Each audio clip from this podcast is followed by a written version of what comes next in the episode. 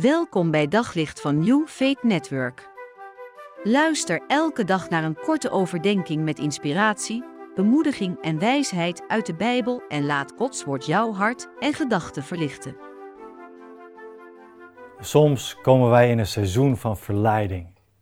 Dat er plotseling iemand is die er jou niet is, maar die jou wel ziet zitten. En wat doe je dan? Jozef geeft erin een prachtig voorbeeld.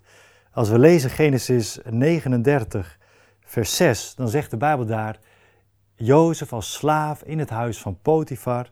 En Potifar die had een vrouw, Potifera. En dan zegt de Bijbel daar: En Jozef was knap en aantrekkelijk. Nou, dat is al bijzonder.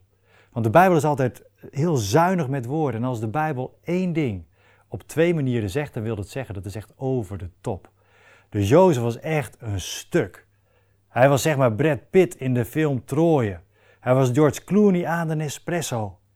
En deze Jozef, hij was zo knap dat mensen van heinde en verder volgens de overlevering aankwamen om te zien hoe mooi hij was. En dan zegt de Bijbel in vers 7, na verloop van tijd liet de vrouw van zijn meester haar oog op hem vallen en ze begon te zingen.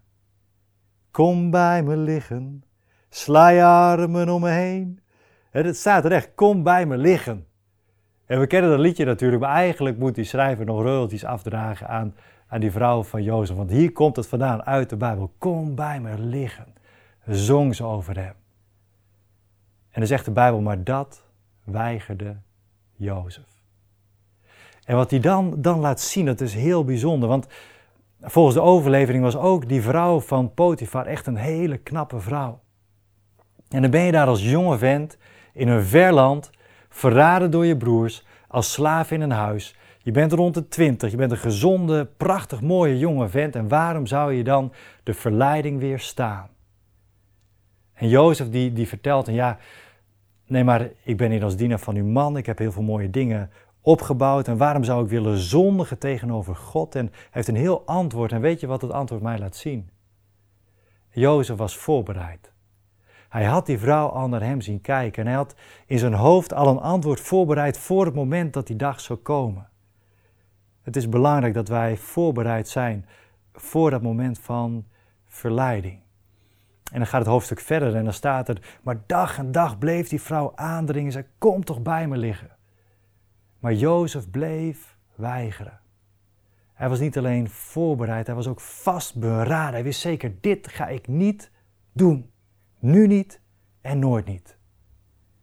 En toen die vrouw hem uiteindelijk vastgreep en zei, maar nu gaat het gebeuren, toen vluchtte hij weg.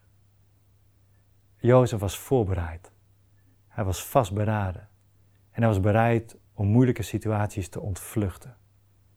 Hij laat ons zien hoe we kunnen omgaan met verleiding. En ben je in een seizoen van verleiding? Kijk naar Jozef. Bereid je voor. Wees vastberaden het goede te doen. En zo nodig, vlucht. Op zoek naar nog meer geloof, hoop en liefde. Op New Faith Network vind je honderden christelijke films, series en programma's. Nog geen lid? Probeer het 14 dagen gratis op newfaithnetwork.nl.